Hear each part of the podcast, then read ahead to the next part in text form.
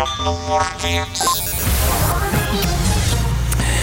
Satraucoša ziņa, līdz ar to arī pirmajā vietā digitālajās brokastīs šajā nedēļā, pirmdien, 16. maijā, īsi pēc pusnakts, inbox.lv piedzīvoja lielāko kiberuzbrukumu tā pastāvēšanas vēsturē, un tas vēl turpinājās kādu laiku, kā ziņots inbox.lv Facebook lapā. Pirmšķietami šobrīd, vismaz Latvijas teritorijā, e-pasta kastītes atkal ir pieejamas.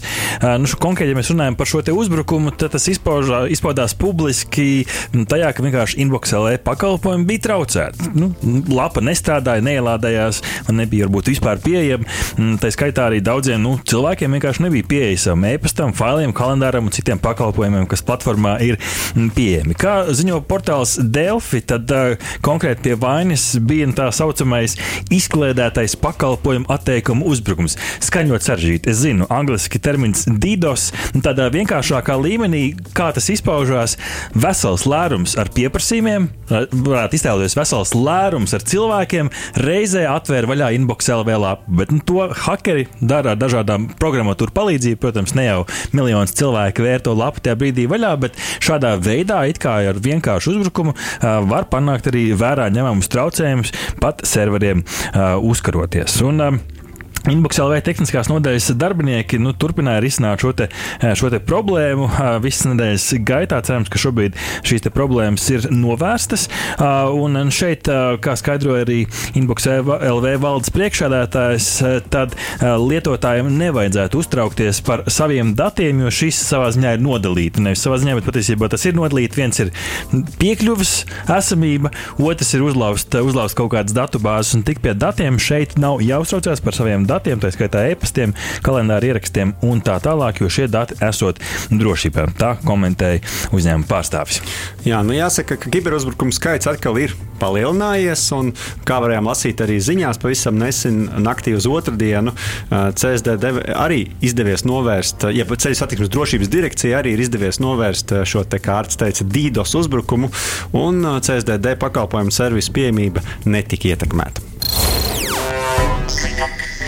Ziņa numur divi. Lieli jaunumi interneta nodrošinājumā arī šeit, Latvijā, jo Ilona Maska uzņēmums SpaceX, tā satelīta interneta servis Starlink, ir paplašinājis savu darbību vēl 32 pasaules valstīs, kā vēstīja portāls The Verge, un kā mēs varam apskatīties arī šī interneta pieejamības kartē, tad interneta pārklājums ir pieejams pusē no Latvijas. Un, ja mēs novelkam, paskatāmies kartē Latviju, novelkam tādu horizontālu līniju, tad viss no līnijas uz leju tur ir pieejams uh, Starlink internets.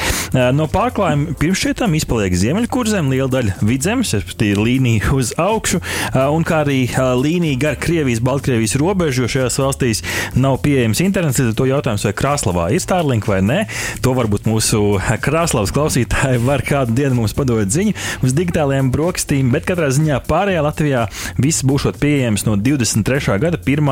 ceturkšņa. Un šeit ir uzreiz jautājums, Starlink internets, kāda, kāda jēga? Un pirmkārt, jēga tāda, ka tas varētu būt pieejams vietās, kur vēl nav internets, labi pieejams. Latvijā par laimi ar internetu ir diezgan labi, es teiktu, bet noteikti ir kāda vieta, kur gribētos, lai ir labāk. Otrs jautājums ir par ātrumu. Nu, šeit uh, mēs paši neesam notestējuši, un šeit patiešām, ja nu kas, tad apskatieties kursors LV uh, blogu. Tur arī ir uh, pirmie mērījumi, arī šeit Latvijā, uh, un tur konkrēti lejupielādē, lejupielādes ātrums uh, tiks sasniegts 138 megabits sekundē un augšupielādē 23,6, kas nu, pirms šķietam varētu būt patiesībā diezgan labi. Tādā ziņā, ka varētu nodrošināt gan video zvanus, gan straumēšanu, varbūt pat varētu pilnvērtīgi spēlēt arī spēles internetā.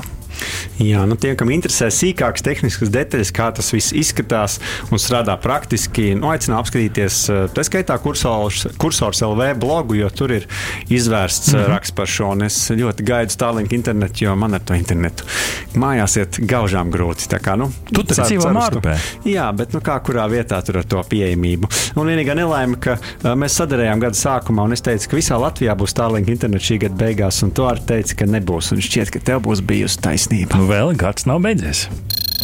Ziņa numur trīs.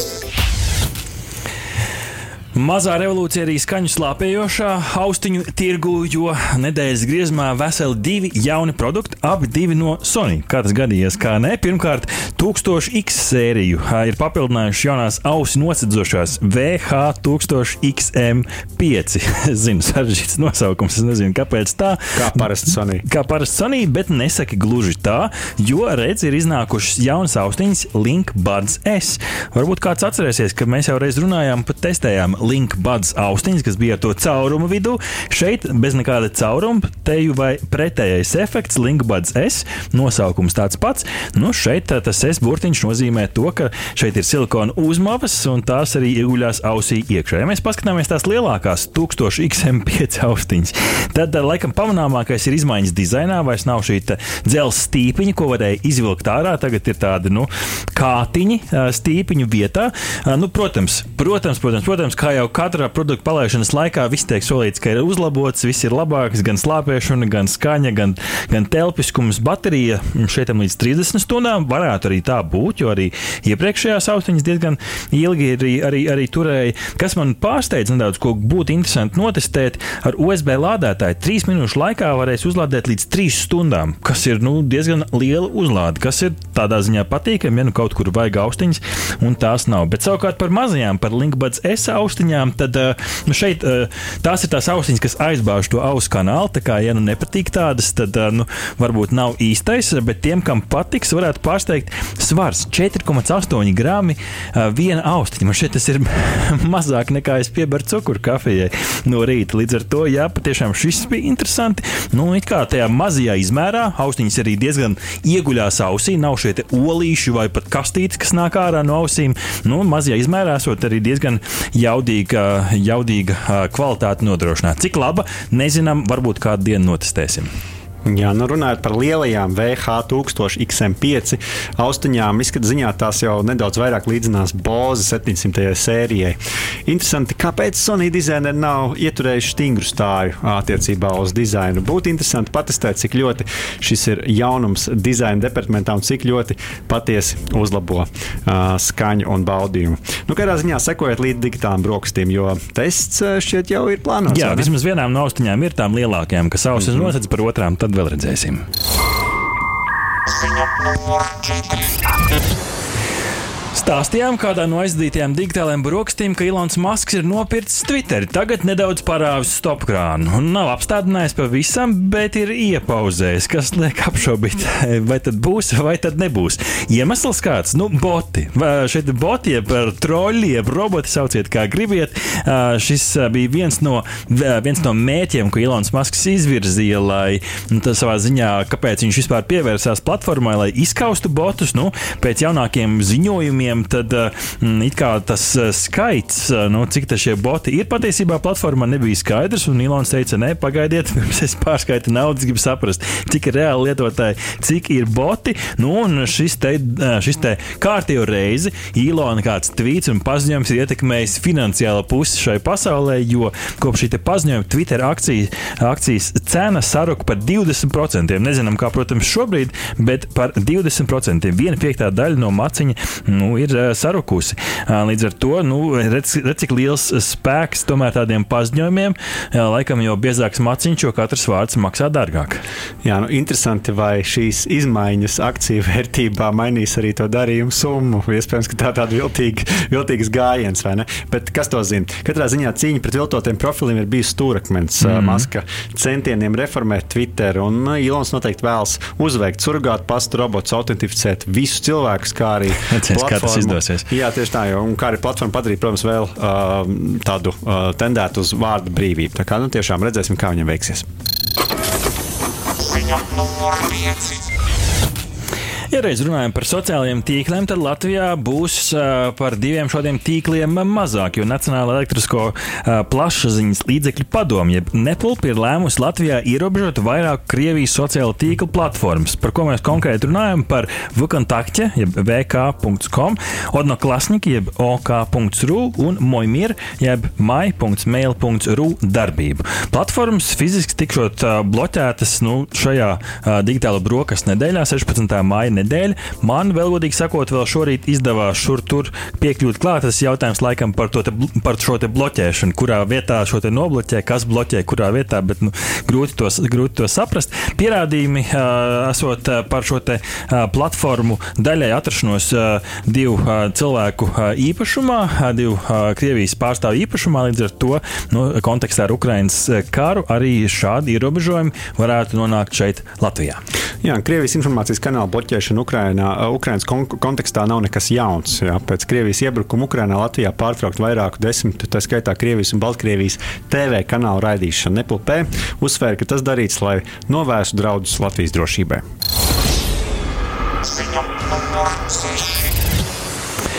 Tehnoloģiju uzņēmums Meta dalījies ar savu futuristisko vīziju augstas klases virtuālās realitātes brillēm no projekta Cambria. Ar ko tad šīs ir īpašas? Nav nekas jauns, ka ir virtuālās realitātes brilles. Šeit tas īpašais ir tāds, ka viņi nākotnē cer piedāvāt krāsainu, miksēto realitāti. Ko tas nozīmē? Virtuālā realitāte mēs uzliekam brilles, mēs redzam apkārt diezgan nu, tādas sazīmētas, multfilmām līdzīgas ainiņas. Šeit tā ideja ir, ka tu redzi to, kas tev ir apkārt, un tavā reālajā vidē, piemēram, uz galda, pēkšņi izlec mazs virtuāls sunītis. Tu to vari paglaudīt, paspēlēties un tā tālāk. Bet tas viss notiek tavā reālajā vidē. Tas, kas ir jauns šajā projektā, ja iepriekš, nu, kā var var redzēt arī Marka Zakarberga prezentācijā, ja iepriekš mēs redzējām pelēku vidi sev apkārt, nu, dažādu uh, vizuālo šo te tehnoloģiju ierobežojumu dēļ, tad šobrīd jaunums varētu būt šī krāsainība, bet joprojām, joprojām konceptu līmenī. Nu, un kāds ir tas praktiskais labums, kā skaidroja Zakarbergs, tad nu, pavisam tādā praktiskā līmenī iespējams nākotnē, Rihard, mums vairs nevajadzēs vairākus monitorus. Uzvilksim vienas brilles un monitori būs tev apkārt. Vai arī, piemēram, pienāk pusdienas laiks, gribās pavingrot, tavā priekšā izlec fitnes treneris. Viņš tur nav, bet tavās brillēs ir. Jā, nu tieši tā. Virtuāla realitāte un šī te, šis te metavers ir par to, ka mēs to internetu pakalpojumus, kas mums visiem pieejami ekrānos, pēkšņi pārnesīsim šau, sev visapkārt. Un šīs virtuālās realitātes, ja papildinātās realitātes brilles, to mums var palīdzēt nodrošināt. Miksētais metavers. Lūk, tas būtu kaut kas interesants. Ziņa numur 7. Jaunums varētu piedzīvot arī Netflix video straumēšanas platforma. Viņiem cerot tuvākajā laikā ieviest vairāk tiešraižu, tiešraižu straumēšanu. Lietas, ko mēs iespējams redzam vienkārši televīzijā. Viņi gan vēlās sākt ar stand-up performancēm un koncertiem. Laikam ir kaut kādā veidā liels pieprasījums pēc šī satura. Nu, lūk, tātad straumēšana tiešraidē, kamēr Netflix vēl testē šādu satura rādīšanu, Disney Plus jau kādu laiku, kas, starp citu, Disney Plus drīzumā arī būs pieejams Latvijā, jau kādu laiku ir izmēģinājis savu roku tiešraidēs, tā skaitā arī translējot aizdīto Academy Awards balvu, balvu pasniegšanu. Un viņiem Un tuvākajā laikā būšot arī Dancing with the Stars. Tiešādi, ko laikam Latvijā mēs pazīstam ar mūsu latviešu adaptāciju Dejo ar zvaigzni. Jā, nu, grūti laiki Netflixam pienākuši. Un, kā jau droši vien esat dzirdējuši, aizvad, aizvadītajā ziņojumā akcionāriem Netflix pirmo reizi um, pateica, ka abonementu skaits krīt. Mm. -hmm. Tā pašā laikā Disney Plus šis abonementu skaits turpina augt. Tā Kā, nu, noteikti viņi domā par veidiem, kā atjaunot savu popularitāti. Ziņa numur 8. Bezpilota kravas kuģis Japānā esot veicis 790 km garu maršrutu. Kuģa vadība 99% laika pat neiesaistījās tā maršrutēšanā. Interesanti, Rihard, vai ne? Kuģis bez, bez pilotiem. Maršruta kuģis ved, ir vedis cauri diezgan noslogotiem kuģniecības rajoniem Japānā, Tokijas līci, un 750 tonu smago kuģi vadīja programmatūra, ā, kas, ko, par ko mums arī stāsta portāls Kursors. Ā, Šis te kuģis Suzaka šo te savu maršrutu ir veicis 40 stundu garā, garā ceļojumā, un kuģi uz priekšu vadīja programmatūru, lai tas sasniegtu savu uh, gala mērķi. Matsukas uh, pilsētā šķērsojot ļoti noslogoto Tokijas līci. Uh, nu, lūk, un uh, patiešām esot daudz nācies arī izvairīties. 107 izvairīšanās manevri, laikam dators skaitīja līdzi, uh, bet uh, kopumā uh, šis kuģis izvairījies aptuveni no 400 līdz 500 pelnu līdzekļiem, kas vienlaikus atradās ūdenī Tokijas līcī. Jā, nu, tiešām interesanti. Protams, automatizācijas risinājumi attīstās, un šis paver daudz iespējas, bet nu, tā drošība ir būtisks aspekts. Tad redzēsim, kā mākslīgais intelekts un spēja navigēt bez cilvēka palīdzības ar to tiks galā. Kit? Kit, talk to me. Jā, IKT pakalpojums sniedzējs Bita un Zviedrijas telekomunikāciju uh, aprīkojuma ražotājs Ericsson ir noslēguši darījumu par 5G tehnoloģiju ieviešanu Latvijā. Tad tas vairāk bāzes torņi arī uh, Bita uh, pakalpojumu lietotājiem. Tieši mēs runājam par 5G uh, bāzes torņiem, nodrošinot pārklājumu Rīgā, Pierīgā un lielākajās Latvijas pilsētās, kur ir novērota tā, tāda uh, augoša pieprasījums pēc mobilā interneta uh, un uh, lielāka tīkla uh, noslodze. Nu, un tur, protams, Eriksona komentārā arī skaidrots par to, ka šādā veidā tikšot piedāvāts lielāks ātrums un zemāks latentātes 5G iespējas. Tas ir nepārtraukts pārtraukums bez, bez būtiskiem pārāvumiem, nu, kas gan jau palīdzēs dažādas arī ikdienas lietas paveikt, paveikt vieglāk. Tā kā nu, LMT, Tele2 un pārējie telekomunikāciju operatori arī šajā virzienā iet. Un šeit ir vēl, vēl viens piemērs, kur gan jau ka daļai Latvijas varbūt nākotnē būs labāks internets. Kā tev tur, Rihard, māru pēc? Šo visu? Starp citu, tieši pārbaudīju uh, nu, tā operatora piedāvājumu, kur es lietoju, un tur reiz tieši ap manu māju. Visur ir tas 5 gadi. Manā mājā. Nav, Kādā bedrē tu dzīvo? Tāds ir jautājums. Ziņa numur desmit. Un noslēgsim digitālo brokastu ziņu top 10 ar patiesībā pavisam interesantu ziņu. It kā jau tāda sausuma par datiem, bet no otras puses varbūt liks aizdomāties. Īrijas pilsoņu brīvību padomus veiktā pētījumā atklājās, ka katru dienu internetu lietotāju dati tiek nodoti tālāk simtiem reižu. Vidēji viena eiropiešu dati tiek padoti tālāk 376 reizes dienā. Turpretī viena amerikāņu dati tika izmantoti pat 747 reizes dienā. Pētījumam var izmantot 30 dienu datu kopas no Google datu plūsmas, ko Google vēl nav komentējis, kā ziņo BBC. Dati tiek kopīgot starp brokeriem, kur reāli laikā personu, šo personu vārdā meklē, tad kurš ir tas atbilstošākais cilvēks, lai piespēlētu reklāmu. Praktiskā līmenī, Rihard, mēs atveram mājaslapu, tur ir bloks, tajā blokā parāda reklāmu. Jo, ja iespējams, esi meklējis pēdējā laikā fēnu, tad tas fēns tev seko visu laiku līdzi. Un ir šie brokeri, kur pēc taviem datiem varbūt pat ļoti sensitīviem, bet pēc kaut kāda datu kopuma nosaka, ka tev konkrētā reklāma ir jārāda. Jā, un turklāt jāpiemina, ka šajā pētījumā nav iekļauti meta, jeb Facebook un Amazon dati. Tas Tas nozīmē, ka iespējams tas, cik reižu mūsu dati tiek izmantot, piemēram, reklāmas vajadzībām vai kādām citām vajadzībām, lai pielāgotu saturu tam, ko mēs parasti patērējam vai meklējam, ir vēl lielāks. Jā, ja mēs tā paskatāmies, eh, tad nu, 376 reizes dienā es kā privātpersona kaut kur cirkulēju, un kāds maksā, lai rādītu man reklāmas.